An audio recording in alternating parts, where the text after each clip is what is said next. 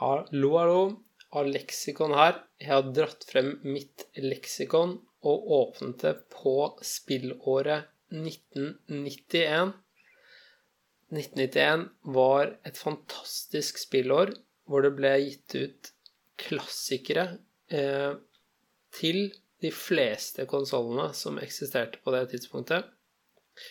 Og siden jeg tradisjonelt sett var en konsollgamer, så må jeg få lov til å trekke fram to spill fra, som ikke ble gitt ut på PC, til Sega Genesis, Sonic Altså Gotta Go Fast.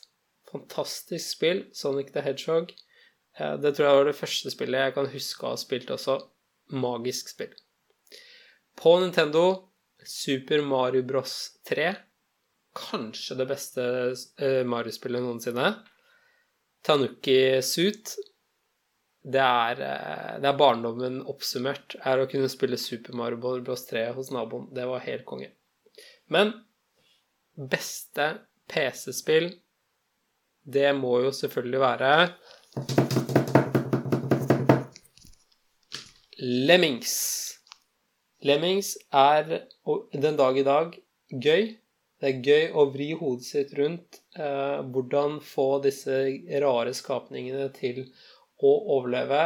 Um, så hvis du ikke har spilt Lemmings, eller du har lyst til å være litt nostalgisk eh, overfor Lemmings, gå tilbake og hør på CD-spill-episoden om Lemmings, og så laste ned Lemmings etterpå. Det er, eh, det er gøy. Det er mye rar humor i å få disse skapningene til å overleve, og du får virkelig utfordret hodet ditt. Og sist, men ikke minst, bare en liten, liten shout-out til A Link to the Past, som også er et fantastisk spill, men ikke nådde helt opp. God jul, folkens, og godt nytt år.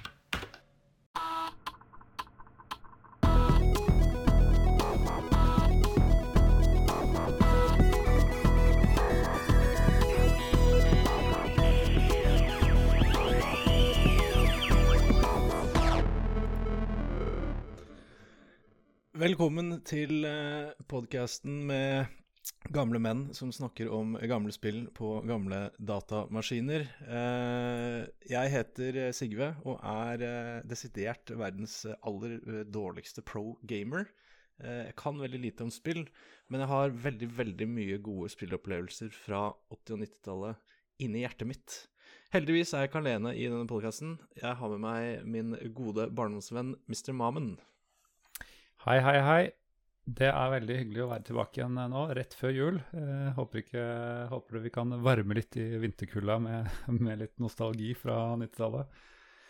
Eh, ja, eh, vi har allerede hørt uh, Alex Gisvold, som har vært med, var med faktisk i forrige episode, og har vært med tidligere også. Eh, da snakket vi om Rayman. Eh, det var veldig mye gode minner der, eh, må jeg si. Og jeg må også si at uh, er, vi kommer til å høre litt sånn drypp utover i løpet av uh, episoden her om, uh, om, hva andre tidligere gjester og personligheter har som sine favorittspill fra 1991. Og så må jeg jo få lov å si først tusen takk til Alex som spilte den kule soundbite.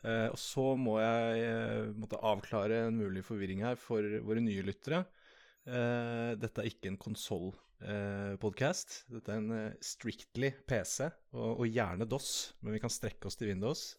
Mm. Eh, men når det er sagt Super Mario 3 eh, og Link to the Past eh, Det er altså Hvis jeg skal gli over og være litt forrædersk og like noe på konsoll, så er jo det kanskje de to spillene jeg virkelig elsker på konsoll. Så er, det er greit, Alex. det er greit. Og så kliner du til med Lemmings som ditt favorittspill fra 91.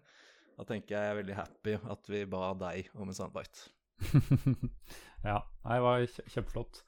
Jeg vil jo også si at uh, vi skal i løpet av uh, episoden skal vi oppsummere faktisk det beste spill, eller beste episoden av CD-spill. Litt sånn selvforherligelse her, kanskje, men, uh, men, da, for de som kanskje ikke har hørt noe, så kan vi plukke ut våre favoritter, så kan du, kan du høre på de. Uh, og ikke minst så skal vi også oppsummere spillåret. Så for de som har eh, fulgt oss eh, lenge, så blir det en litt eh, annen episode. Eh, slapp helt av. Vi skal snakke om spill fra eh, PC, fra DOS-æraen. Ja. Eh, men vi skal eh, ha ikke, litt er ikke, mer det er ikke spillåret 2021 vi skal oppsummere. Nei, bare så det er sagt. Dere kan bare roe helt ned. Det kalde, kalde 2021, det bare stepper vi glatt over. Og så skrur vi klokka tilbake til 1991, eh, hvor da eh, nostalgivarmen er ganske umiddelbar. Eh, vi skal kose oss med litt forskjellige eh, spill fra det året. Det kan hende eh, at i hvert fall jeg ikke greier å følge reglene helt, og kanskje toucher noen andre. Eh, Men i dag blir det mer nostalgi og kanskje mindre tørre fakta om spill enn vanlig. Yes. Eh, jeg tenker vi begynner der vi pleier å begynne. Må bare se litt tilbake på forrige episode hvor vi snakka om Rayman med, med Alex. Har vel kommet inn noen eh, oppdateringer fra sosiale medier, hvis ikke jeg tar helt feil. Vi har jo vår gode venn eh, på, som drifter spillhistorie.no, Joakim Froholt. Jeg er veldig glad for at jeg kan få lov å nevne han i hver episode, for han Ja, skriver ja. en liten, en liten artikkel om spillet og episoden. Eh, så han har skrevet en liten artikkel om eh, at vi snakker om, eller mimrer om nydelige Rayman. Eh, så gå inn på spillhistorie.no og sjekk ut hva han sier, og lytt til episoden vår. Og der er det jo faktisk et kommentarfelt også, under disse artiklene. Og jeg ser her at Lars har vært inne og kommentert Kjipt, de aldri laget Rayman 2 i 2D, Mm. men 3D-spillene er også gøy. Rayman 1 er mest ikonisk, så liker den best. Nå skal vi ikke bruke tid på å snakke om det vi snakka om i Rayman-episoden, men uh, vi er vel egentlig enige Ja, at Rayman høres ut 1 er best. Ja, dette var i hvert fall fryktelig, eh, var fryktelig godt, det første. Så hadde nok uh, gjort seg med to, til 2D-spill. Ja, absolutt. Jeg hopper litt inn i, på Twitter, for det var en litt interessant diskusjon som dukka opp der. Eh, Ja. Sindre Stabel Kulø eh, som skriver Kunne man ikke rett og slett skremme enkelte fiender med en grimase? Uh, husk, uh, husker det som et fargerikt og artig spill. Uh, og jeg vet ikke om du husker det. Alex har prøvd å, få, å, å svare, men har du noe formening om det var mulig, Sigve?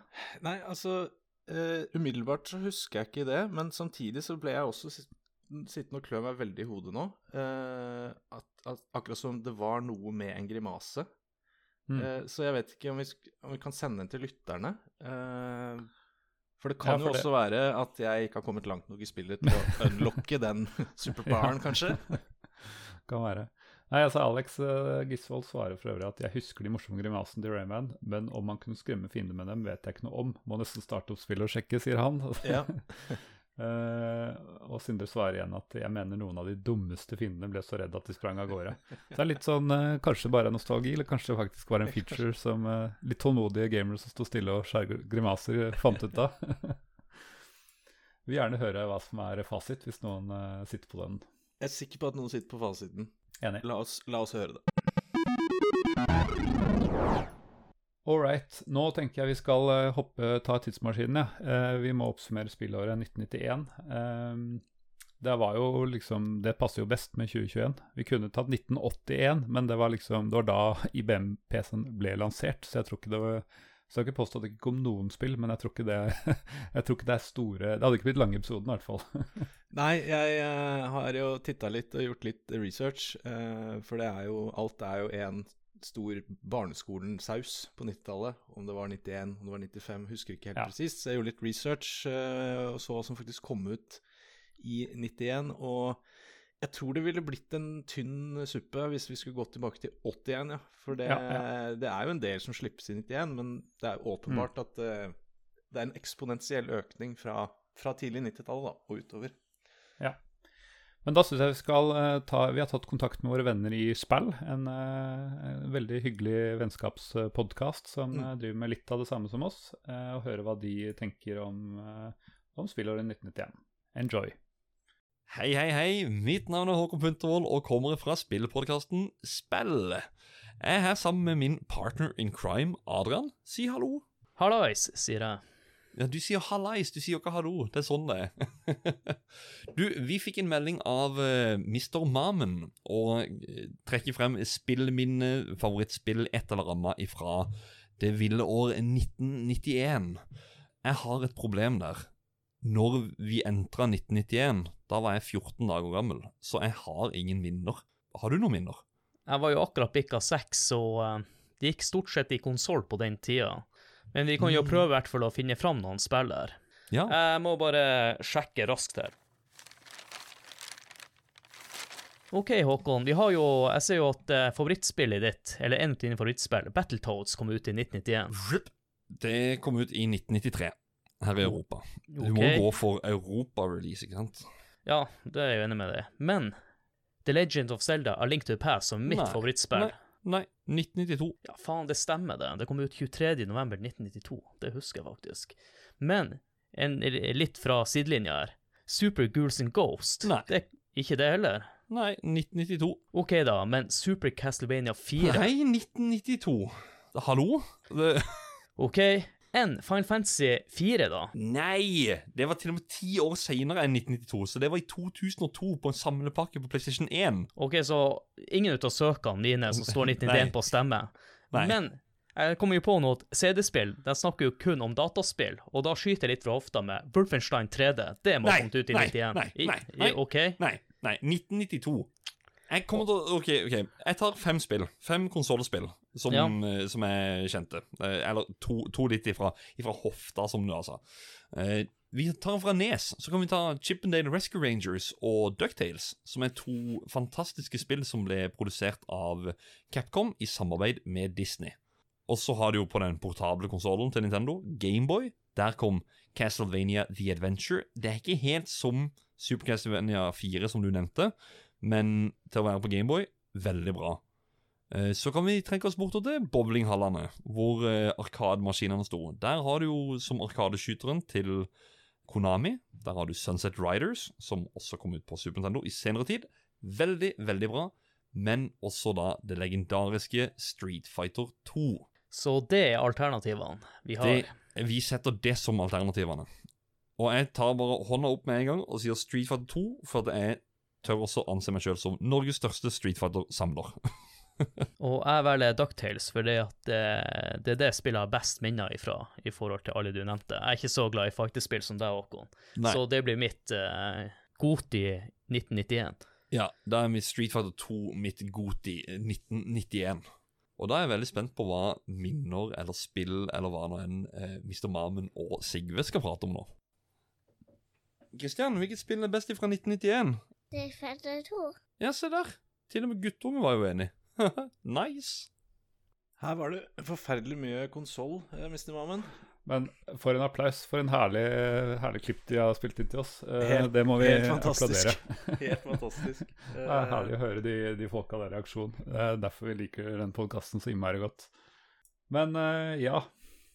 Jeg merker at de legger lista høyt, fordi de har kommet ut i Europa i 1991 og sånn. Jeg, jeg bare sier det med en gang. Jeg. Vi til å, de som faktasjekker oss, de kommer til å finne feil i det, denne episoden.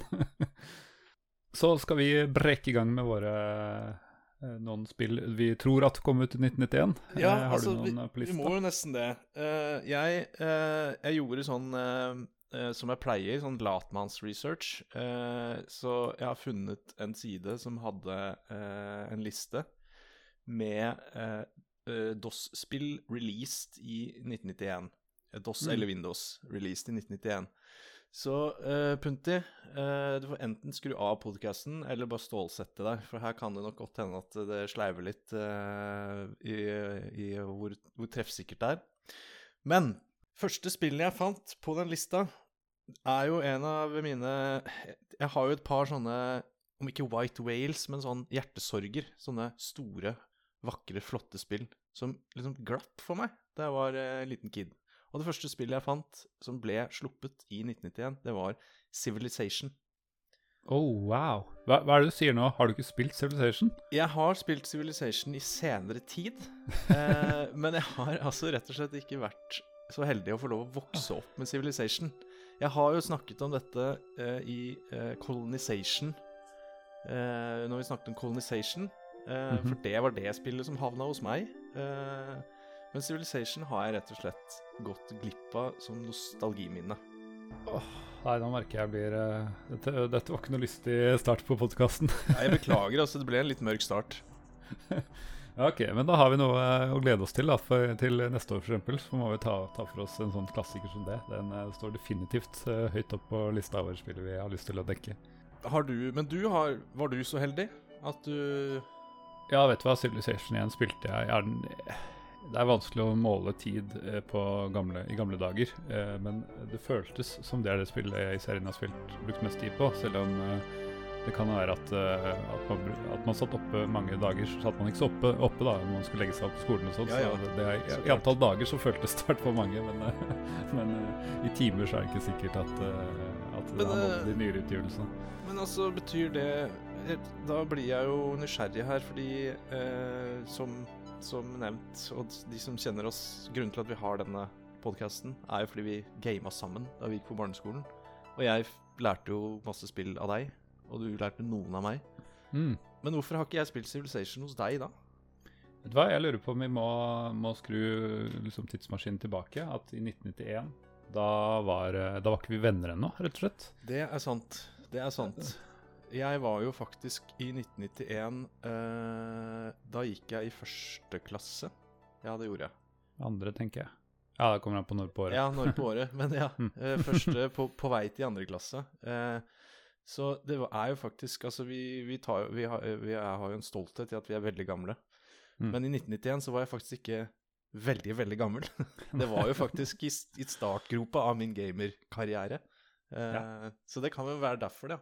At det var rett og slett et såpass Et spill som var nesten eldre enn meg, holdt jeg på å si. Så det glapp litt. Ja. Nei, fordi eh, jeg husker at jeg fikk det av min eh, fetter Espen, som jeg har så vidt nevnt før. Eh, han hadde det med seg, og jeg husker til og med en gang han Jeg tror kanskje at, at han bodde i, en, bodde i Vestfold, da. Og der hadde de høstferie eller vinterferie eller et på et annet tidspunkt enn vi i Østfold. Så da husker jeg han var hos meg en uke, og, og liksom jeg var på skolen og bare venta på å komme hjem til han, og han drev og møtte meg, jeg så han gjennom vinduet, og det var liksom var så stas, da. Og da husker jeg han satt og gama med det her til langt på natt, og det var eh, Jeg husker nesten den der tilfeldig map-generering altså, på, på akkurat det gamet som, som vi spilte sammen. Så det Nei, det er gode minner. Jeg merker at dette må vi trenger vi en hel episode om. Ja, det gjør vi faktisk. vi, må, vi må videre. Men la oss eh, kaste ut en shout-out til fetter Espen, da. Eh, Mm. På vei ut av Civilization, eh, før vi går på, på neste. Syns det. Hva er neste, Sigve? Neste spill, eh, der vet jeg at jeg har skutt fra hofta, eh, for å sitere Speilgutta. Eh, for Commander Keen ble jo sluppet eh, i en slags sånn maskingeværild over eh, Jeg lurer på Jeg tror egentlig Commander Keen kanskje kom i 90. Og så kom Mm. det noe oppfølger i 91, og kom det noe oppfølger i 92. Så Commander Keen som fenomen ble jo sluppet Deler av fenomenet Commander Keen ble sluppet i 1991. Stemmer. Eh, Jeg har ikke faktasjekka, men vi tar ditt ord for det. Um, ja, det har vi jo det har vi en episode om, så det er egentlig bare å lytte på den. Så, Gå inn og lytt på den. Uh, Mm. Det er jo eh, en tidlig og veldig god entry i plattformer. Plattformspill til, eh, til PC. Eh, jeg påstår jo hver gang vi snakker om plattformspill til PC, at det ikke finnes noen gode plattformspill til PC. Nå har vi jo etter hvert snakka om en del gode plattformspill til PC. ja, jeg tror vi kan si to viktige ting om Keen, hvis vi skal oppsummere det. Det ene er at det er lagd av de som senere skal lage Doom, altså id Mm. Software.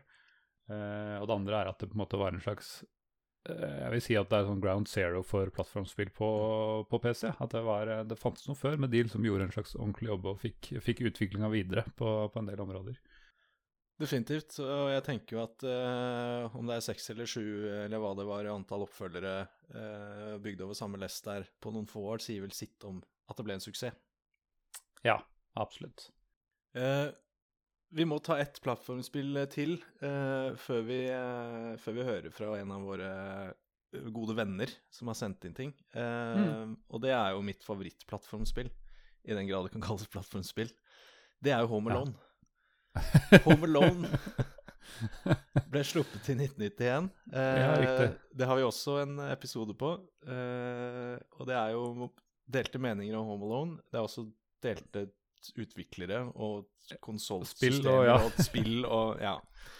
Så Ja. Uh, der fins det mye rart. Uh, men jeg har i hvert fall spilt uh, skal jeg kalle det DOS-versjonen, som ble sluppet Mm. i 91, eh, og den syns jeg er helt konge. Så sjekket episoden, og jeg tror faktisk jeg mente at det er spillbart en dag i dag, for de som er interessert. Det kan hende. Jeg tror uh, jeg var av en oppfatning at det var drittspill, men det, det får vi gå tilbake og høre hvis, uh, hvis Det var det jo, det, det såret bærer jeg med meg den dag i dag. ja, greit, greit. Ok, skal vi høre litt mer? Vi har fått flere, kommet flere meldinger på, på øret, holdt jeg på å si. Ja. Um, skal, skal vi høre hva Gøran Solbakken, som uh, har vært med oss i Police Quest, annet, det er jo begynner å bli en stund siden, skal vi høre hva han uh, har å si? Hei, alle CD-spill-lyttere. Eh, veldig hyggelig at jeg ble spurt om å få prate litt om eh, gode, gamle dager igjen. Og nå skulle vi jo snakke litt om 1991. Jeg er jo en gammel, eh, gammel mann, så jeg måtte jo jukse litt og se hva som egentlig skjedde i 1991. Men da, da kom jeg på litt sånn småting. Og altså, i 1991 da, så var det ganske, det var ganske problemfritt liv for en elleve år gammel uh, Gøran Solbakken da. Eh, det var stort sett skole, det var stort sett venner, og det var stort sett fotball. Veldig mye fotball. Når jeg var hjemme, så hadde jeg som elleveåring eh, begynt å få, få interessen for gaming, selvfølgelig. Og i 91 så var jeg såpass heldig at jeg fikk en Sega Megadrive.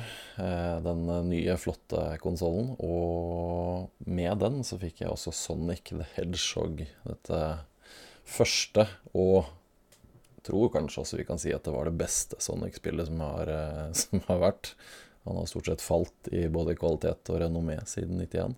Men det var, det var kult. Jeg husker, jeg husker man satt i time opp og time ned og prøvde å løse disse og få til disse brettene fortest mulig. Få samla alle ekstraliv og alle mynter og alle disse ringene og alt mulig. Eh, det var kult. Jeg brukte mye tid der. Det var litt sånn, Man hadde jo ikke 900 spill i en backlog eh, som 11-åring, så da var det stort sett det jeg spilte. I tillegg til det så må jeg også nevne at eh, jeg hadde en kompis som hadde en Amiga. Jeg hadde ikke Amiga, jeg hadde Amstrad av alle ting. Eh, Men han hadde Amiga, og han hadde også en nabokompis som på magisk vis greide å få tak i alle spill til Amigaen. Eh, Så da kom jo i 91 så kom Lemmings ut. Og det eh, Vi brukte mange, mange, mange timer, og vi sneik oss til å sitte oppe langt utpå natta på overnattinger og snakke strategier og løsninger for å få til alle disse brettene med de små lemmingsene som skulle grave seg vei og bygge seg vei fra brett til brett. Eh, Det var deilig. Det var deilige tider. Eh, Så jeg tror Lemmings og Sega Mega Drive med Sonic står nok igjen som de sterkeste minnene fra 91 for min del. Det er jo uh, veldig hyggelig, uh, Gøran, at du gir meg en sånn fin Segway inn i uh, det neste spillet jeg hadde lyst til å nevne, som ble sluppet i 1991. Sonic the Hedgehog? Og det er, det er Sonic the Hedgehog på konsoll. Nei, det er jo selvfølgelig Lemmings. Ehm, jeg, jeg har spilt jeg, jeg har spilt så mange timer Lemmings over så mange år uten at det liksom verken kom veldig langt eller ble veldig smartere, tror jeg.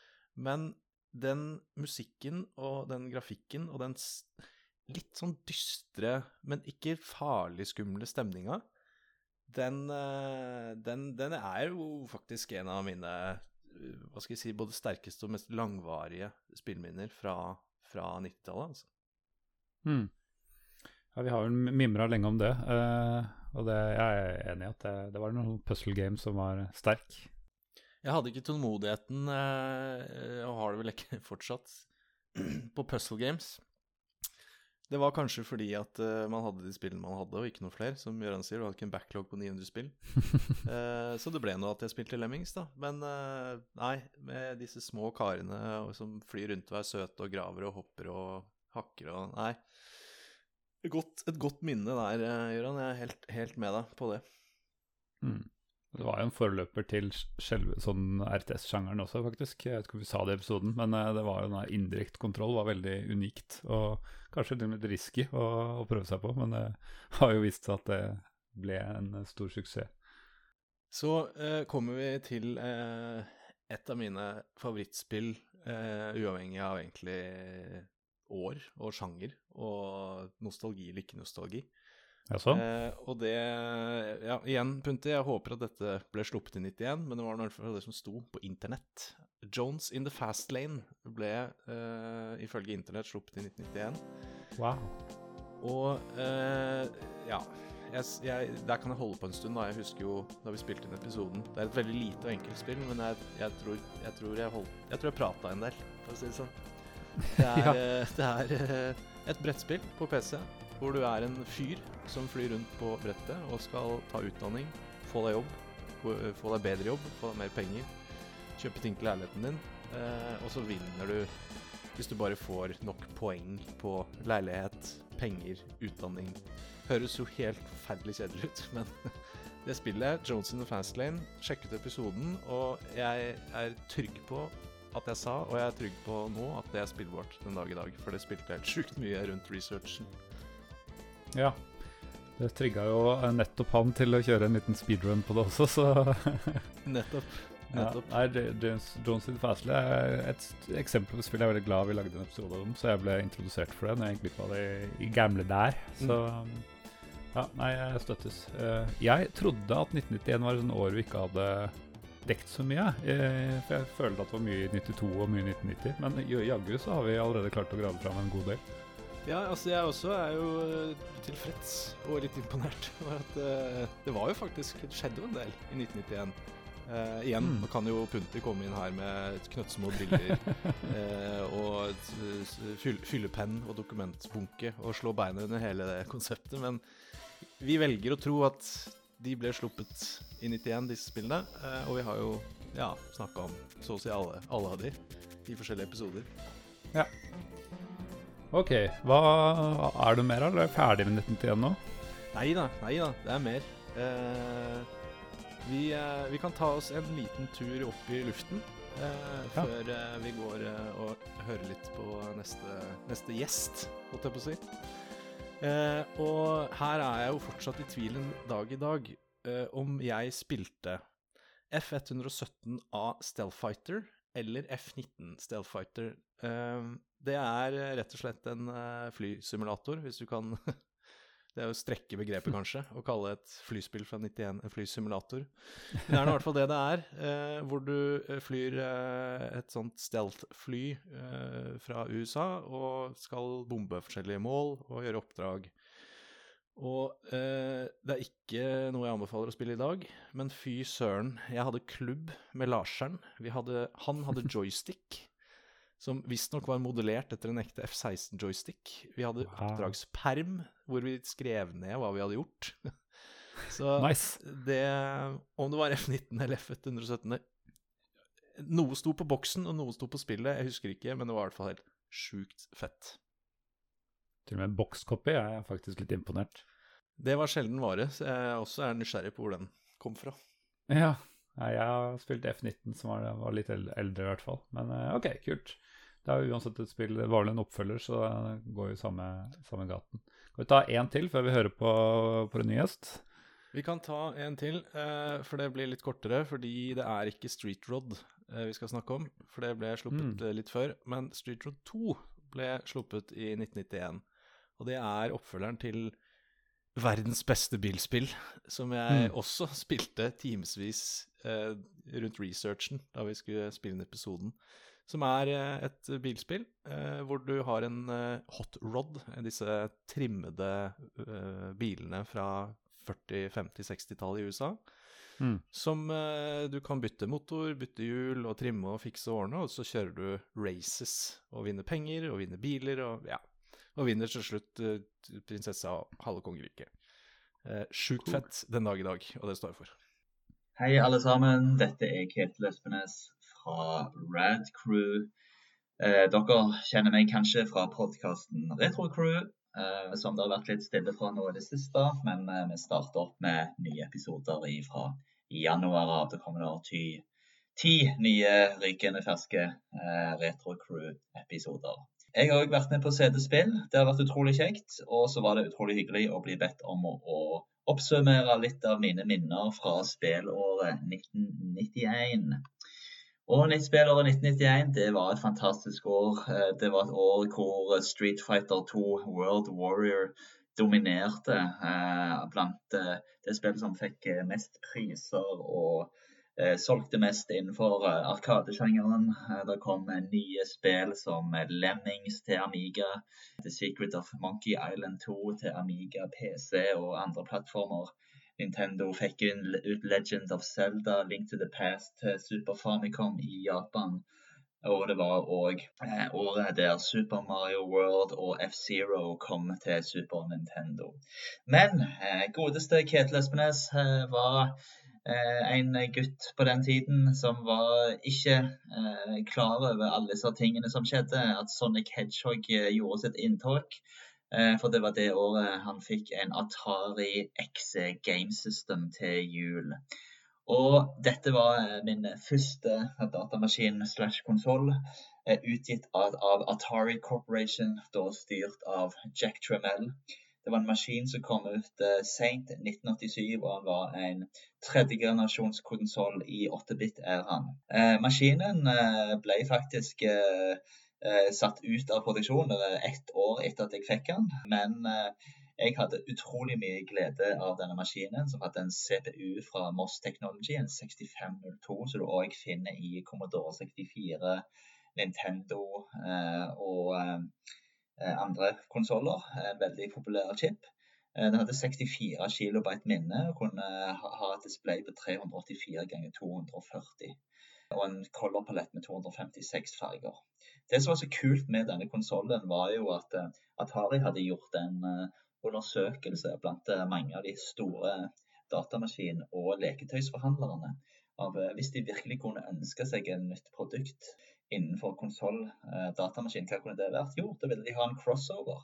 Og det var nettopp det som kom. De eh, pakte om det som Atari var så gode på, var jo å gjenbruke egentlig litt gammel hardware. Eh, og så pakte de den om og satt en 65 XE inn i et eh, nytt skall i form av XE Video Game System, som da var både en full-fledged datamaskin med basic som OS og full pakke, og en konsoll som kunne ta eh, cartridger fra hele 8-bits-æraen til Atari. Og det var jo helt fantastisk. Og det som jeg da fikk muligheten til, var å bli introdusert til hele biblioteket av de klassiske Atari-arkadespillene. Og det er på denne plattformen, det er på 8-bit-plattformen, du virkelig får presentert disse i sin beste form. Vi har spill som eh, følger med, som var pack-in games. Det var Missile Command. Den er innebygd på maskinen. Du hadde Bug Hunt, eh, der du får brukt den medfølgende XG1-lyspistolen. altså Nes Zapper, gå og legg deg. XG1 Lightgun til Atari XGS er så mye råere. Og i tillegg så eh, et annet spill som eh, fulgte med, eh, det var Flight Simulator 2. Og det var det første spillet der jeg noen gang hadde en Der jeg kunne spille Flight Simulator. Både i vanlig flying, men òg i en World War One-mode. Utrolig eh, bra spill, selv om det var sånn én frame i sekundet. Men det brydde vi oss ikke om på den tida. Jeg eh, fikk eh, tak i flere andre spill som Blue Max. Den beste versjonen av Donkey Kong finner du til denne plattformen. En helt true arcade-port med alle de samme nivåene som på arkademaskinen. Ikke minst Mario Bros, som ble reprogrammert fra bunnen av for X-plattformen. Du hadde spill som River, klassikeren, River Raid, Fight Night eh, fra Accolade, dette, spennende, dette boksespillet. Og ikke minst òg spill som Ball Blazer og eh, Karateka, som da var Jordan Mechner. Det første rotoscoping-prosjekt eh, for 8-bit-plattformen, før han da gikk videre og utvikla Prince of Persia. Så eh, som dere hører, den, denne maskinen har gitt meg utrolig mange minner. Jeg har den fortsatt i dag, og den fungerer like bra som den gjorde i eh, 1991. Eh, og var mitt eh, inntog til eh, konsoll- eh, og arkadespillingsverden. Og eh, eh, har utrolig mange gode minner for denne maskinen. Så selv om det var eh, andre maskiner og konsoller på markedet der som var langt mer teknisk eh, avanserte, så eh, brydde ikke jeg meg om det. Jeg var lykkelig uvitende, for jeg hadde Atarien min og hadde utrolig mye glede av den.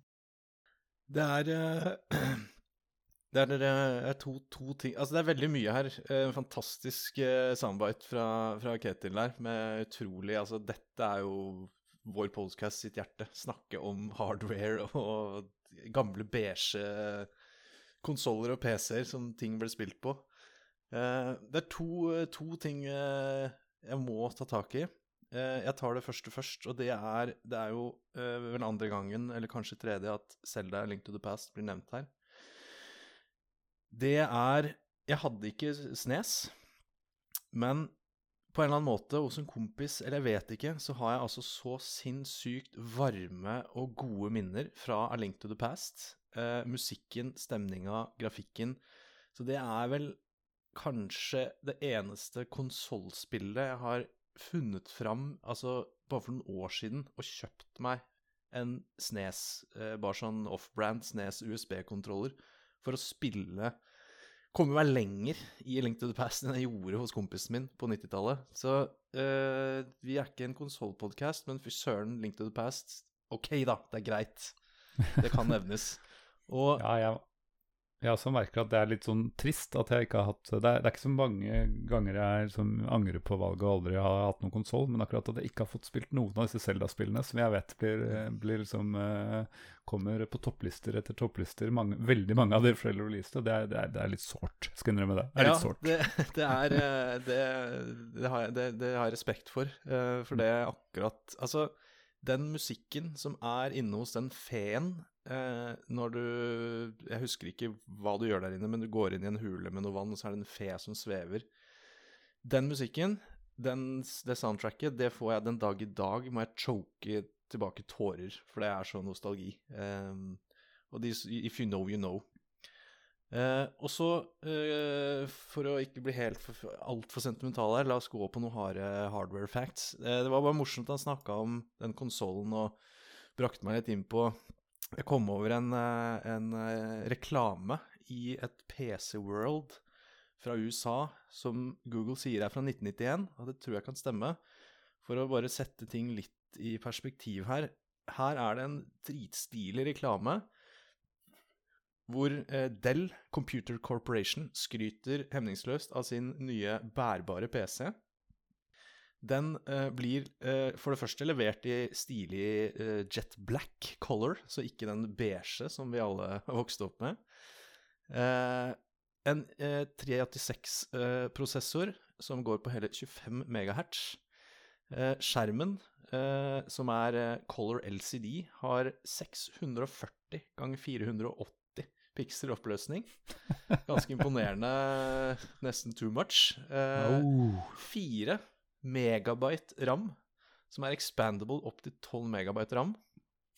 64 kilobyte cache memory. Den har også en eh, 3,5 tommers eh, floppy, så ikke floppy-floppy, men vanlig floppy. Og hele tre timer med batteritid. Eh, 85 eh, tasters eh, keyboard. Eh, og eh, det er også ja, en liten sneaky her. Det kan nok hende at den eh, må du kjøpe ved siden av, for det står en 80 megabyte hard drive also available. Ja, ikke sant. Ekstrautstyr. Tipper det ekstrautstyr. eh, og for den eh, framtidsmaskinen her, så eh, må du ut med ikke intet mindre enn 3999 dollar. Akkurat. Og i eh, eh, internett sier at eh, 3999 dollar i 1991 er den dag i dag 8120 dollar. Så nå husker ikke jeg akkurat eh, omregning eller hva dollaren er verdt nå, men sånn ca. 70 000 kroner da, kanskje, med frakt og moms og Så for 70 000 kroner eh, så kan du få deg en ganske stilig bærbar med tre timers batteritid og en 640 ganger 480 fargeskjerm. Hvis du har den en sealed box, tror du den har vært mer eller mindre enn det i dag, da? Det er et godt eh, poeng. Den tror jeg er eh, Den har økt mer enn inflasjonen har økt. ja. Definitivt, hvis du har den i en boks. All right. Eh, herlig med litt hardware også. Det er noe jeg, vi kanskje ikke er så gode på, fordi vi ikke har så mye kunnskap. Eller jeg har tydeligvis ikke kunnskap, men du, du fiska fram noe, du. Og Ketil leverte godt der. Ketil vant, definitivt. Eh, og jeg prøvde febrilsk å følge etter. Men da vet du hva eh, du må ha for å få deg en bærbar PC. Ja. Jeg vil hoppe inn i et spill nå her, som jeg kom på nå. her, og Det, var, eh, det er et spill som heter Martian Memorandum. Eh, og Hvis du har fulgt veldig godt med på CD Spill, så har jeg nevnt dette før en gang. Jeg kjenner igjen Martian Memorandum. Jeg Det her er i uh, Tex Murphy-verden. Yes! Yes! ah, jeg kan litt. Ja, jeg er veldig imponert. Uh, ja, nei, det er oppfølgeren til uh, Mean Streets uh, som kom noen år tidligere. Marshall Random hadde jo lydkortstøtte, så var jo ikke så imponerende på de, de tingene som Mean Streets imponer imponerte på. Men ja, jeg også spilte det først i kanskje 99 eller sånt, så jeg har ikke, så mye å si om det akkurat nå. Men hvis folk vil ha en episode om det, så skal for pinge, så skal jeg gjøre research og, og fortelle hva det handler om. Ja, for det må jo sies uh, at uh, Tex Murphy-serien er vel en av de spillseriene som står ditt hjerte nærmest? Uh, ja, definitivt. Den har vært i flere tiår, eller faktisk 80-90 Ja, den har vært i liksom fire tiår med litt opphold innimellom, så det, det må jeg si at den, det varmer hjertet fortsatt. Vi kan gå til et hva skal jeg si, kneppet enklere spill enn en Tex Murphy-serien. Eh, den er jo kompleks, så du må notere, og du må være detektiv. Eh, her må du bruke huet veldig. Eh, Supaplex ja. ble sluppet i 1991, og det er for de uinnvidde en en Pacman-klone, men ramped up og gange 100. Du er en liten oransjeaktig ball, som en Pacman. Og du manøvrerer deg rundt det, inni det jeg tror jeg er en datamaskin, for der er det masse grønne kretskort og elektroder og diverse. Og eh, til forskjell fra eh, Pacman, så er det ikke at du bare skal liksom, fly rundt en labyrint og unngå spøkelser. Du må eh, egentlig finne ut av labyrinten selv ved å spise ting, sånn at andre ting detter ned, sånn at åpninger åpner seg. Du må ikke være for nærme andre ting, for de eksploderer når de faller. Så det er et sånn Det virker virkelig et pusle-puslespill. Eh, for å komme da til mål på de, alle brettene, da. Jepp. Inside computer. Inside computer. ja. Nei, Vi har jo en episode om det òg, så det er bare å lytte til For hvis du vil høre mer om frustrasjonen og ikke minst den, eh, den, deilige musikken. For det må jeg si, den ene soundtracken der, den var, eh, den var egentlig behagelig. Fram til man ble lei av den. ja, det er sant. Det også er et spill Altså 1991, det kan stemme, for det er litt vanskelig også hva skal jeg si, kronologien i hvilke spill jeg har blitt eksponert for først. Men jeg har et sånt mm. minne om at Superplex var liksom Det var et spill som bare var der hele tiden. Eh, det har vi liksom bare alltid hatt. Eh, så det, det, kan stemme det at det kom i 91, og så ja, spilte vi det da, hele tiden. Så går ferden over til eh, en eh, litt mer simulation. Eh, jeg ble usikker når jeg uh, lette på internett her, fordi jeg husker dette spillet som Winter Games. Og så lurer jeg på, kan det være at det er blitt lansert under forskjellige navn? Fordi uh, der jeg fant det, så heter det The Games Winter Challenge. Mm. Uh, og det kan jo selvfølgelig være en amerikansk versus en europeisk lansering. men The Games Winter Challenge er i hvert fall et spill fra 1991 som jeg får sterke nostalgiske utslag på når jeg ser bildene. Det er jo rett og slett eh, vinter-OL. Du mm. kjører slalåm, du kjører super-G, skiskyting, langrenn, skøyteløp. Ja, alt mulig rart. Eh, og det er medaljer, og det er forskjellige nasjoner, og det er medaljeseremoni, og det er Så det er rett og slett et OL-spill. eh, som også er ikke noe jeg anbefaler en dag. Jeg tror ikke vi har hatt en episode om det. Uh, men det er definitivt på lista, fordi jeg har spilt forferdelig mye. Uh, og det er jo et button masher-spill uten sidestykke. ja. Du kan tenke deg hvordan skal du simulere å gå på langrenn. Ja, det er helt riktig. Ja. Du må trykke høyre, venstre, høyre, venstre, høyre, venstre, space, uh, alt ettersom hva du skal gjøre. Og jeg Ja, vi, vi, kan gå i dybden når vi tar det i en episode, men jeg slenger det ut som en sånn nå bare sånn Kan noen der ute som har spilt Winter Games, eller The Games Winter Edition, fortelle meg hvordan man greier å fullføre skøytebanen uten å bli ja. sugd av skøytebanen? For det er, Ja, det er Er det skøyter Er det sånn bobsled og sånn? Er det skøyter, husker jeg ikke. Men, det er bobsled også, men du har rett og slett langrennsskøytegåing. Ja, ja. Hvor eh, det også er noe button mashing, om det er space eller eh, piltast høyre-venstre, husker mm. jeg ikke. og eh, jeg tror det er en meningen at de skal simulere at du blir sliten, kanskje. Så etter noen runder så blir du trukket mer og mer ut Ja. til siden. Og det skjønte jeg aldri hvordan jeg skulle motvirke. Eh, det er sikkert noe jeg hadde skjønt nå som voksen ved å bare se på en stamina bar eller et eller annet, men eh, ja, ja, ja. det var et uoverkommelig hinder, da, den der fordømte skøytebanen. Men det er helt morsomt at du sier det, for jeg er også helt sikker på inntil nå at det het eh, Winter Games. Jeg var, det var jeg liksom helt sikker, liksom. så, så det at det plutselig nå har en ny tittel, holdt jeg på å si eh, Nei, det var rart. For ja, jeg husker at jeg har lurt litt på hva het Hvorfor finner jeg det ikke igjen? For jeg finner et sånn Epics-spill som er litt eldre, som er, eh, heter Winter Games. Så det er rart. Ja, Ifølge- altså, jeg ser bare uh, På internett så er det Mm. Winter Challenge, eh, MS-DOS, som, eh, som dukker opp. Uh, men jeg husker det absolutt som Winter Games. Er dette sånn derre Hva heter sånn derre Mandela-effekt der? Sånn mass uh, Alle ja, er forvirra. og Husker, husker du samme, og så husker man feil? Sånn at, uh, at hukommelsen er ikke konstant, eller ja, eh, ting, ting kan endres. Ja, Tilbake alle mener å huske den samme feil tingen. sånn Absolutt. For det, det Alle treff på Google sier uh, Winter Challenge. Ja. Winter Challenge. Nei, det her var rart. Det er, noen har, eh, det er et bevis på time travel. Vi, eh, Ja, vi tror det. husker original timeline. Dette er alter timeline. All right. Skal vi ta og høre på en ny, eh, ny gjest? Uh, vi har fått uh, Ja, du kan jo eh, introdusere din eh, kamerat her. Ja, eh, dette her eh, Jeg har ikke hørt det, så jeg gleder meg litt. Det er litt spennende. Eh, men jeg vet hvor det kommer fra. Eh, min eh, gode barndomsvenn Eirik Gjerløv, eh, som jeg har eh, Selv om vi bodde et stykke fra hverandre, så var familiene våre var venner, så vi var veldig mye hos hverandre. Eh, og eh, mye, mye dataspilling. Veldig mye dataspilling. Og han er verdens fineste fyr, eh, også den dag i dag. Så det har vært veldig koselig at eh, han har vært med i podkasten vår og snakka om spill og spillminner som jeg og han faktisk deler.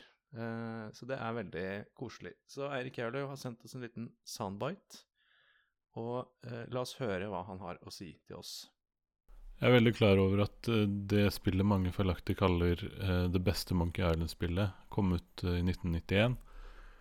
Eh, men jeg har lyst til å snakke om et annet point and click adventure-spill, nemlig mm, Space Quest 4, Roger Wilco and The Time Rippers. Hvor eh, vår helt eh, Roger Wilco blir sendt eh, inn i uh, framtiden, og da altså til et annet Space Quest-spill uh, i en postapokalyptisk verden, Uh, hvor han må gå rundt i ruinene av av en by um, og, um, og unngå en sånn mutant som er utrolig skummel. Ehm, og klarer du å komme forbi da, den første delen der, så er spillet en slags uh, reise i tid, Um, hvor du skaffer deg en slags tidsmaskin og hopper da fra, fra um, Space Quest-spill til Space Quest-spill. Uh, hvor annet et av de dreier seg om at du blir torturert av noen bikinikledde Amazon-aktige kvinner. eh, og deretter må dra på shopping med dem. Eh, så det spillet her har jo eh, alt. Eh, det er også ikke sånt Hva skal jeg si Snilt adventure-spill, sånn som Lucas LucasArts-spillene er. Der er det umulig å gå deg vill. Du vet at du kommer deg til målet, mens her så er det faktisk, står det ting på spill. Hvis ikke du er smart nok, så kan det hende at du drar fra et sted som du aldri kan komme tilbake igjen til, og har forlagt et eller annet. Og da er du stuck eh, i, en annen, i en annen tidsepoke. eh, uten å vite om grunnen til at du ikke kommer deg videre, er fordi eh, det er noe du ikke ser, eller fordi det er noe du rett og slett mangler som du ikke har. Eh, så Sierra sine, Sierra sin, sine adventure-spill de var jo på en måte Dark Souls eh, for, for adventure-spillene, føler jeg. Og Space Quest 4, det var, det var gøy. Altså, dette er jo Eirik Gjerløv eh, som jeg kjenner han. Eh, fordi han eh, Jeg er jo verdens verste pro-gamer, men han er jo faktisk en ganske god pro-gamer. Eh, ikke på FPS eh, og RTS nødvendigvis, men nettopp på point and click, på law, på kompliserte, ja, intrikate spill. Eh, der har han både interesse og utholdenhet da, til å, å komme seg gjennom. Eh, men Space Quest, vi er i Sierra eh, du, har litt kjennskap til Space Quest og Sierra? Ja, Sierra landskapet. har, jeg, Sierra har jeg jo spilt en del spill av. Vi har jo nevnt bl.a. Police Quest og vi har litt Kings Quest og sånn. Men eh, Space Quest har, er liksom et trist kapittel som jeg aldri har vært borti. Eh, og jeg kjenner til renommeet her, at det er, det er sci-fi og det er mye humor og det er mye det, ja, bare det han forklarte der, jeg skjønner, merka det, det, det er et fantastisk konsept da, å reise i ti- tidstravele mellom uh, Space Quest-spill. Men sørgelig nok så har det gått meg uh, hold- holdt si hus forbi. Det er, har aldri landet på min maskin. Så der er det litt eh, sort hull i datakunnskapen. Jeg prøver å skryte på meg at jeg er en kunnskapsrik type, men det slår huller når du blir konfrontert på den måten der. Da har vi jo kanskje fått eh, et tips fra Eirik, da, hva som bør sjekkes ut til en uh, framtidig episode. Og kanskje vi til og med har en gjest til den episoden også. Det var en veldig god kandidat der, og da vet jeg at fireren er kanskje det beste spillet da, som, eh, som jeg skal prøve den serien. Så ja, det var veldig kult. Jeg tenkte jeg ville hoppe inn i et annet spill jeg fant nå i farta. eh, The Blues Brothers. Åh. uh, Sterke minner. Sterke minner. Ja. Mm. ja. Savna, det, samler LP-plater på, på gata og, og diverse. det er jo et sånn ganske kort eh, plattformspill, men ganske vanskelig, til tross for at det liksom er fem verdener eller fem brett eller sånt. Så husker jeg det var um, Det tok litt tid å komme gjennom, selv om jeg lærte meg triksene etter hvert. Og så var jo det her eh, for meg eh, litt som Kanskje som Dune. eh, en, verden, altså en, en kjempestor verden. Altså Blues Brothers var jo dritpopulær film. Men jeg, jeg, Mm. jeg hadde jo aldri sett filmen. Og med Dune, jeg kjente ikke Dune-verden heller, men kjente til spillet. Så, så det min introduksjon til The Blues Brothers, det var jo faktisk det spillet fra, fra Ja, 90-tallet. Jeg lurer på om det var helt sikkert det samme rekkefølge på meg òg, at, jeg, at jeg først spilte spillet. Men eh, jeg ble jo ganske fan av eh, filmen når jeg så den nå, så jeg, jeg, jeg liker begge deler på hver, hver sin måte. Jeg føler ikke at de har så mye felles, da. Sånn, det er ikke veldig sånn det, de gjorde så godt de kunne, eller noe, for å lage et spill Mm. av en, en eh, flåsete humor-actionfilm. Ja, jeg vil nesten si mindre connected til filmen enn det Home Alone-spillet er. Men det er kanskje like greit, det. Å ikke prøve å gå i samme sporet. Da. Det, Mm. det er jo ganske sær film å lage, lage spill av, sånn strengt tatt. Yes. Jeg har um, nevner fort Flames of Freedom. Jeg har så vidt nevnt det tidligere at det var et spill jeg kunne ønske fikk en oppfølger. En moderne eller en remake eller noe sånt. For det er et sånn eh, strategi-action Det er sånn du spiller James Bond-aktig, eller sånn agent som skal gå ned og gjøre oppdrag på en øy i sånn 3D-grafikk, på en måte. Sånn, sånn som 3D-grafikk var i 1991, vel å merke. Eh, og, men det som er så kult, er at du kan gå inn i alle mulige kjøretøy. Du kan gå inn i gips. Eh, alle har selvfølgelig eh, hva heter det, heat, heat-seeking rockets. Så uansett hva det går. Du kan gå inn i luftballonger, du kan gå inn i fly, du kan gå inn i eh, ubåter. Det er helt amazing hvor mye rart du kan fly det og, og styre i det spillet der. Så det husker jeg var eh, Det var ganske Det var ikke sånn kjempelett, men det var veldig gøy og veldig sånn open world-aktig.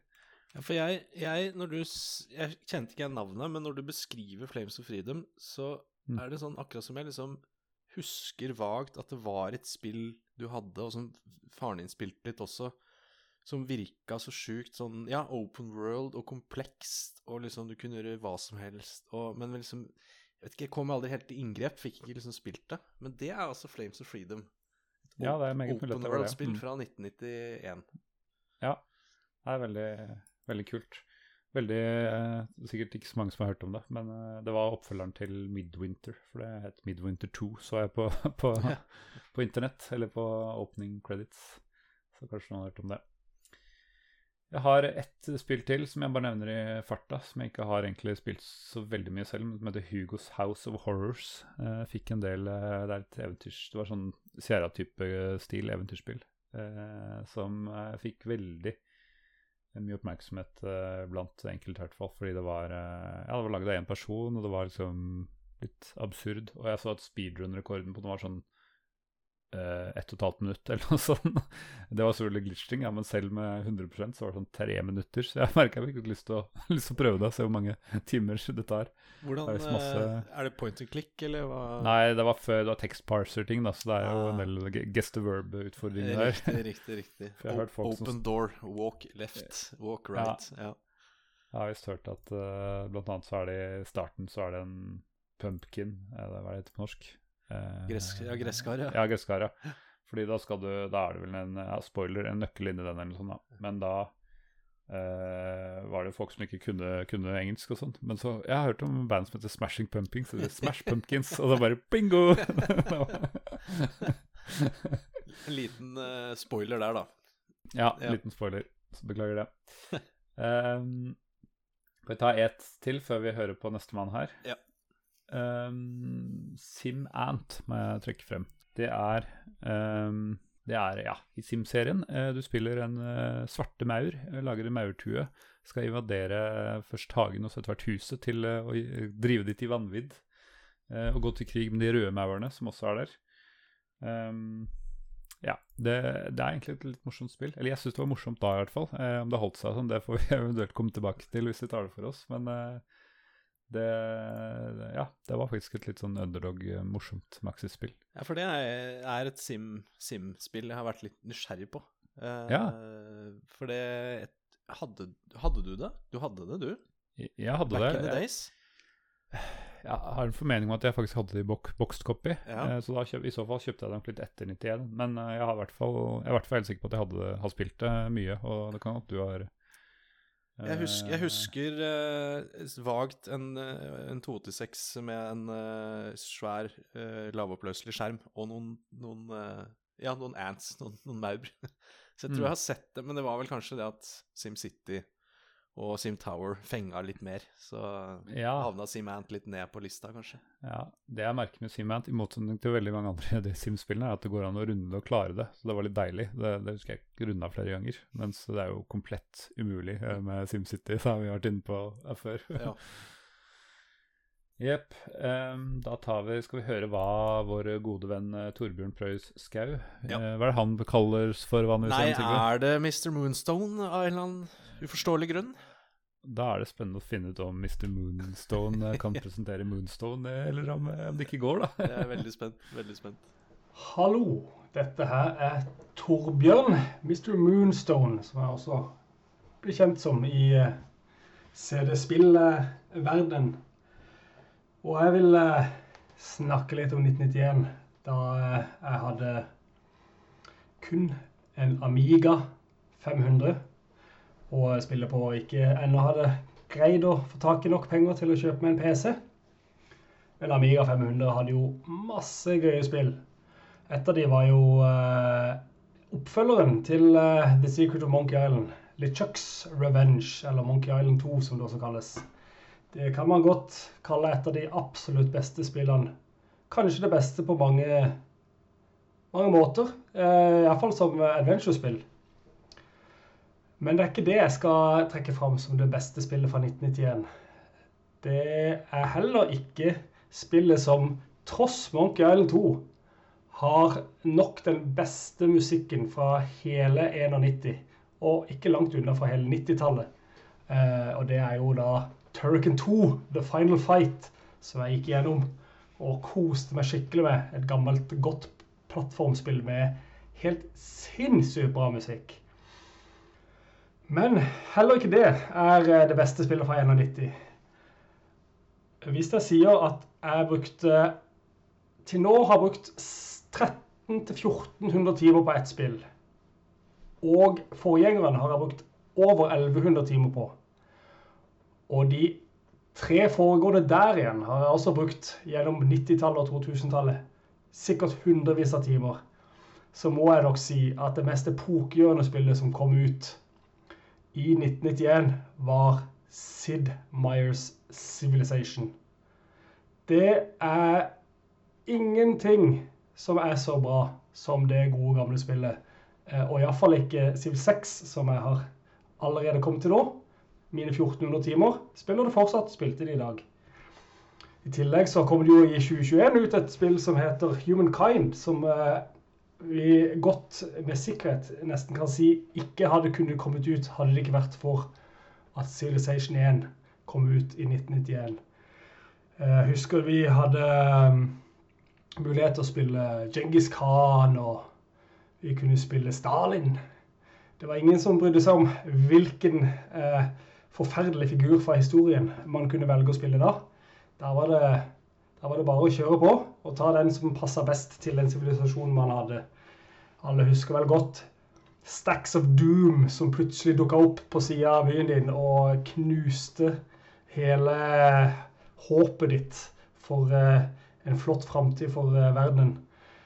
Nei, mitt valg må åpenbart falle på Sid Meier's Civilization, det beste spillet fra 1991.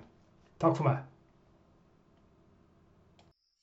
Ja, er du enig med Mr. Moonstone, uh, Mr. Mammen?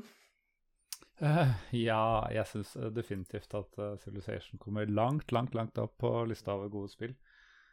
Men uh, vi har jo vært innom det allerede, så vi får kanskje roe litt ned med, med å gjenta oss selv her. Jeg har ett spill til jeg, som jeg har på, um, på lista mi her. Another World. Det er eh, et av de Det er kanskje et av de Det er kanskje en av de virkelig gode her. Kanskje en av topp top tre eller noe sånt. Det er jo en eh, Det er jo et actionbasert uh, eventyrspill, kan man kanskje si. Plattform, ja, blanding av plattform og action og bitte litt eventyr.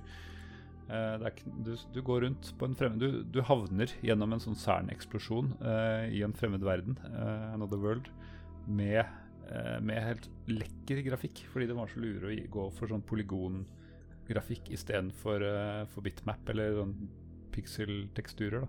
Ja, for det så jeg på en sånn uh, The Best Games from the 90s. Og så ja. kom der Another World opp, og bare i alle dager, er det fra 1991? Eller er det et indiespill som ble sluppet på Steam i år, liksom? Ja, ja, ikke sant? Sjukt pen grafikk. Ja, Nei, det, det er spill jeg, jeg må love det her nå. Det skal vi ta for oss i, i podkasten, for det er, eh, det er eh, herlig spill. Og det er mye å si om det. Så mye at jeg tror jeg bare sier at alle som har spilt det, dere vet hva jeg snakker om. Dere andre kan glede dere til vi, vi får uh, hive løs på det, uh, den klassikeren. Ut ifra det lille jeg har sett på YouTube, så gleder jeg meg til denne episoden. Cool. Har, har, du noe mer? Eh, jeg har det. For jeg glemte jo Jeg glapp litt på lista mi her. Eh, et spill som eh, er trendsettende, og om ikke sjangerskapende, men i hvert fall trendsettende. Og det er jo rett og slett gode gamle Duke Nukem. Som gikk fra ja. å være et litt sånn sci-fi og kult og humoristisk eh, plattformspill, rett og slett. Nok et plattformspill på PC mm -hmm. som har ja, faktisk great success. Eh, som ble sluppet i 91 til å gå da inn i 3D-verden noen år senere og ja, prøve å liksom uppe Doom, da. Alt skulle være mer groteskt og mer grisete og mer ja.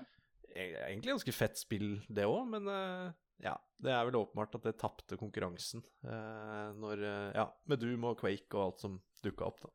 Ja, det, det, kan man diskutere, fordi det var definitivt en sånn sidespor på altså. Ikke blind, blindspor, men altså, det var, de prøvde på noe annet. Så jeg vil si at den, den var ikke noe tap sånn, sånn egentlig. Det, var, det sant, men de, var ikke en annen retning. Det ble ikke noe pallplassering på de i, i FPS, hva skal jeg si, racet.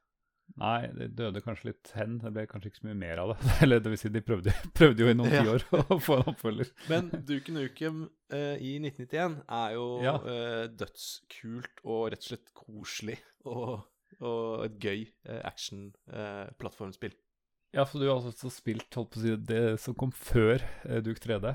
de to ja. første Duke Nukem-spillene. Ja, jeg har jo, har jo spilt dem, jeg òg, men jeg, jeg har ikke veldig mye minner om dem. Jeg vet ikke om jeg spilte før eller etter jeg spilte tredje gang, men uh, ja.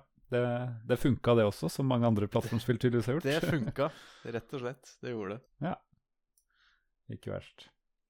Du, jeg tenkte vi skal en liten tur innom hva lytterne på Facebook og Twitter har, um, har sagt, ja.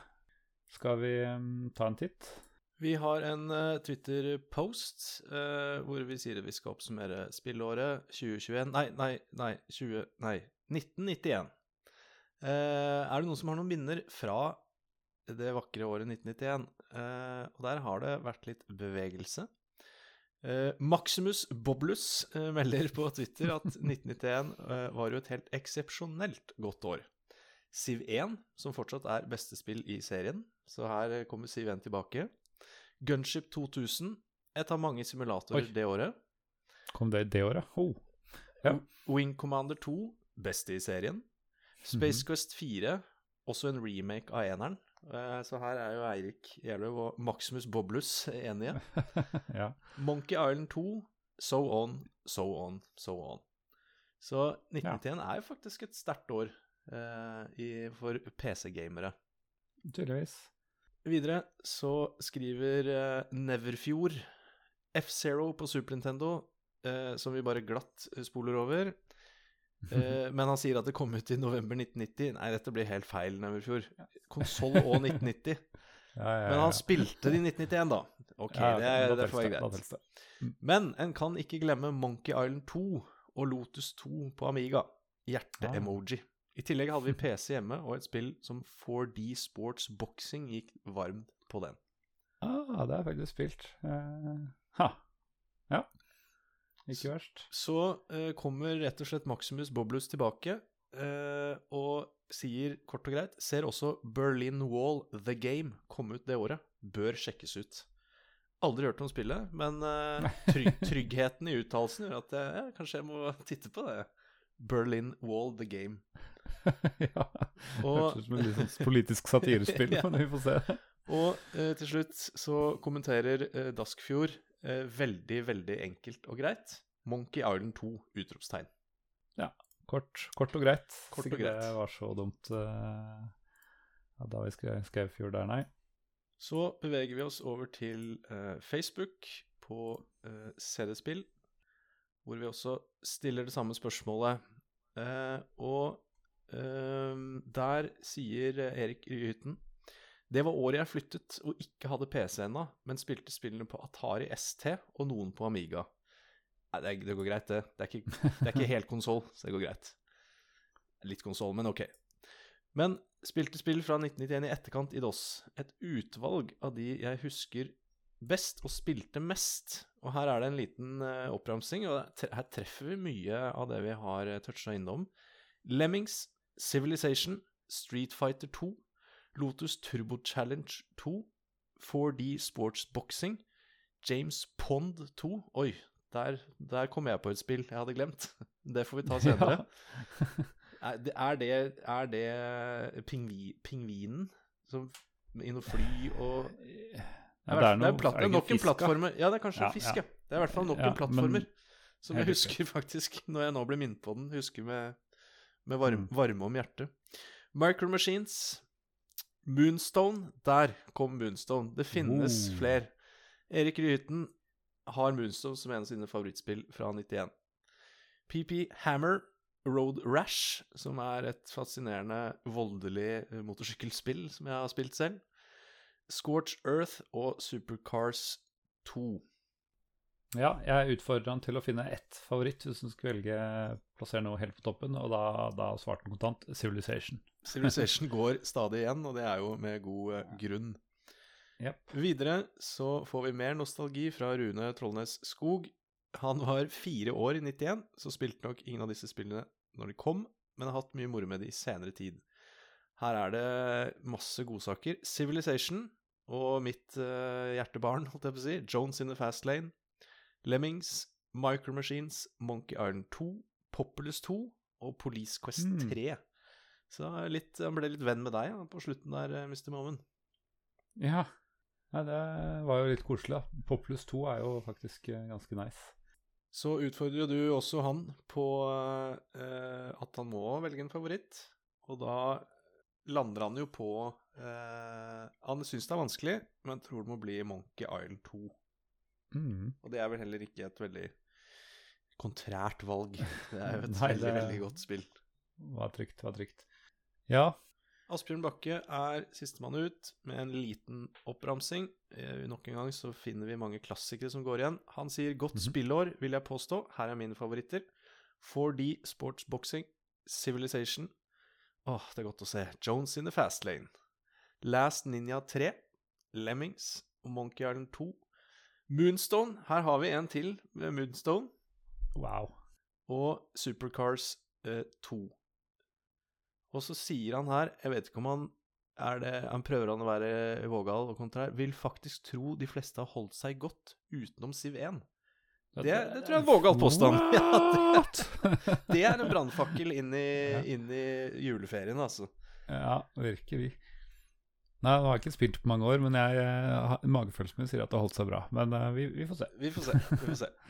Så det var uh, litt god nostalgi fra uh, våre venner som er inne og kommenterer på Facebook.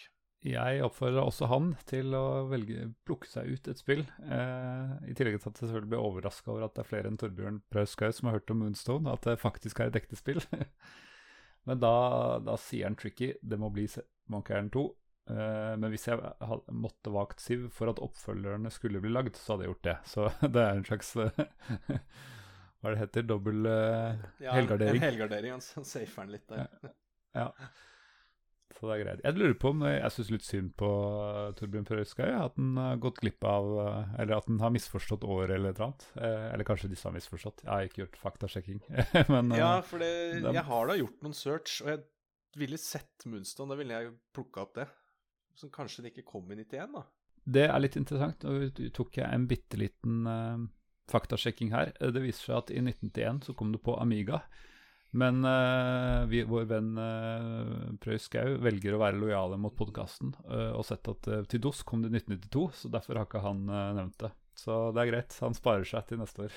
Han gjør det. han gjør Det Han, det skulle vel bare mangle at Mr. Moonstone vet akkurat hvilket år Moonstone ble sluppet til DOS. Ja, ellers så hadde vi plutselig to nye kandidater til den tittelen der, så det er greit. Vi lar det passere. Vi gjør det.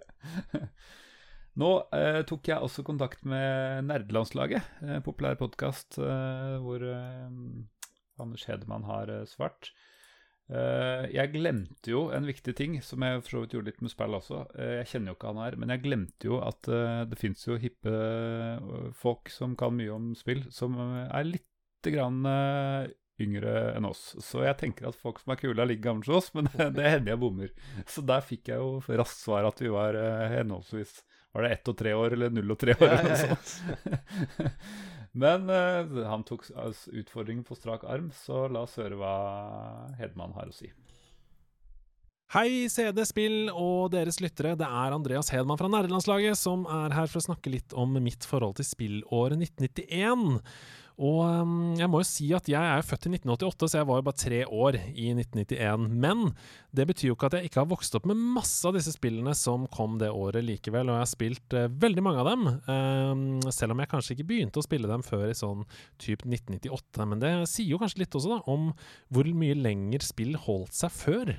Eh, Det kom jo ikke så mange spill, og de var jo dyre i mm, forhold til hva man hadde råd til på den tiden, så man spilte jo gjerne ett spill lenger av gangen. Men for eksempel A Link to the Past eh, har jeg jo spilt i hjel. Fantastisk Zelda-spill fra 1991. Et av mine favoritter gjennom tidene. Holdt seg til de grader. Jeg er helt um, 100 um, for at hvis du plukker det opp i dag, så kommer du til å ha en nydelig opplevelse. Ligger på Nintendo Switch uh, i online-storen der. Ligger også vel på Snes uh, Mini. Um, nydelig, nydelig lite spill.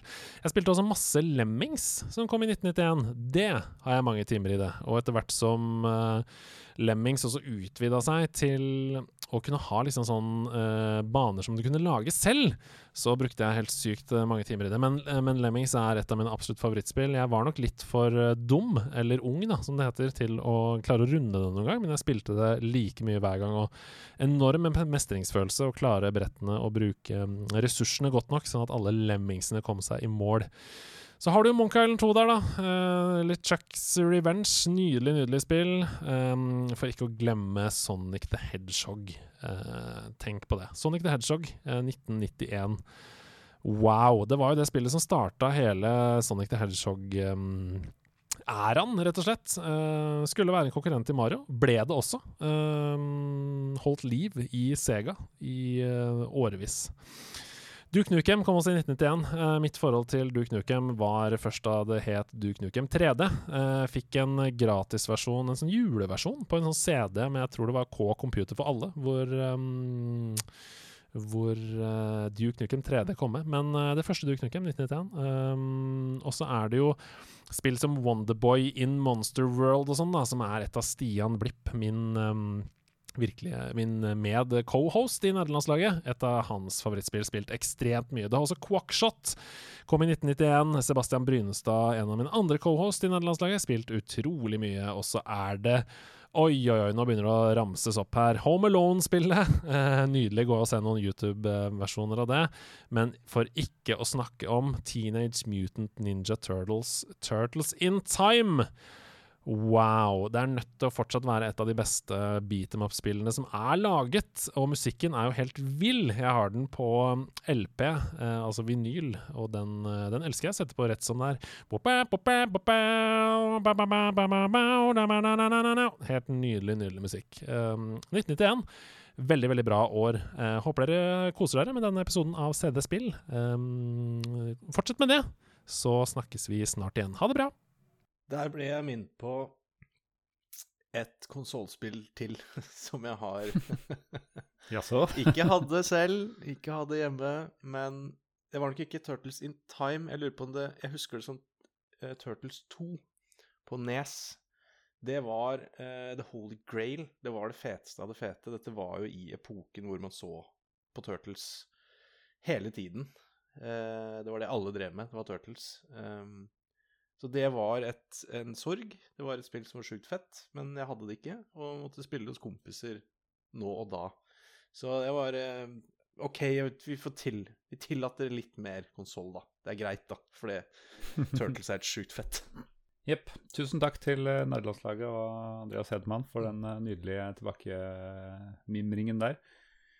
Og ikke minst alle andre som har bidratt også i episoden. Jeg tenkte vi, Jeg lovte innledningsvis at vi skulle kåre det beste episoden fra 2021. Så la oss raskt eh, liksom trekke fram noen favoritter vi har hatt, da. Eller kanskje den favoritten. Eh, ja, hva syns du, uh, Sigve, har vært den beste episoden? Ja, hvis, hvis, noen som hører på dette for første gang, skal gå tilbake og velge én episode fra 2021, hvilken eh, syns du de skal gå for da? Nei, altså jeg har eh, tenkt på litt forskjellige episoder, og, og dette er forferdelig subjektivt, men det er jo det som er morsomt med det. Da kan jeg velge å vrake selv. Eh, og eh, det er én episode og ett spill som, som, liksom står igjen som bare den beste opplevelsen, og, og en god episode. for da blir jo jeg gira, forteller masse spennende ting om spillet. Og da blir det en god episode for de som lytter. Og det er jo rett og slett Jones in the Fast Lane, som har vært nevnt her eh, nå i ja. denne tilbakeblikkepisoden. Jeg eh, spilte det gjennom sikkert 50 ganger i research-perioden, holdt jeg på å si. Nice. Eh, og som jeg nevnte tidligere i episoden, eh, det er et forferdelig enkelt spill. Eh, veldig shallow.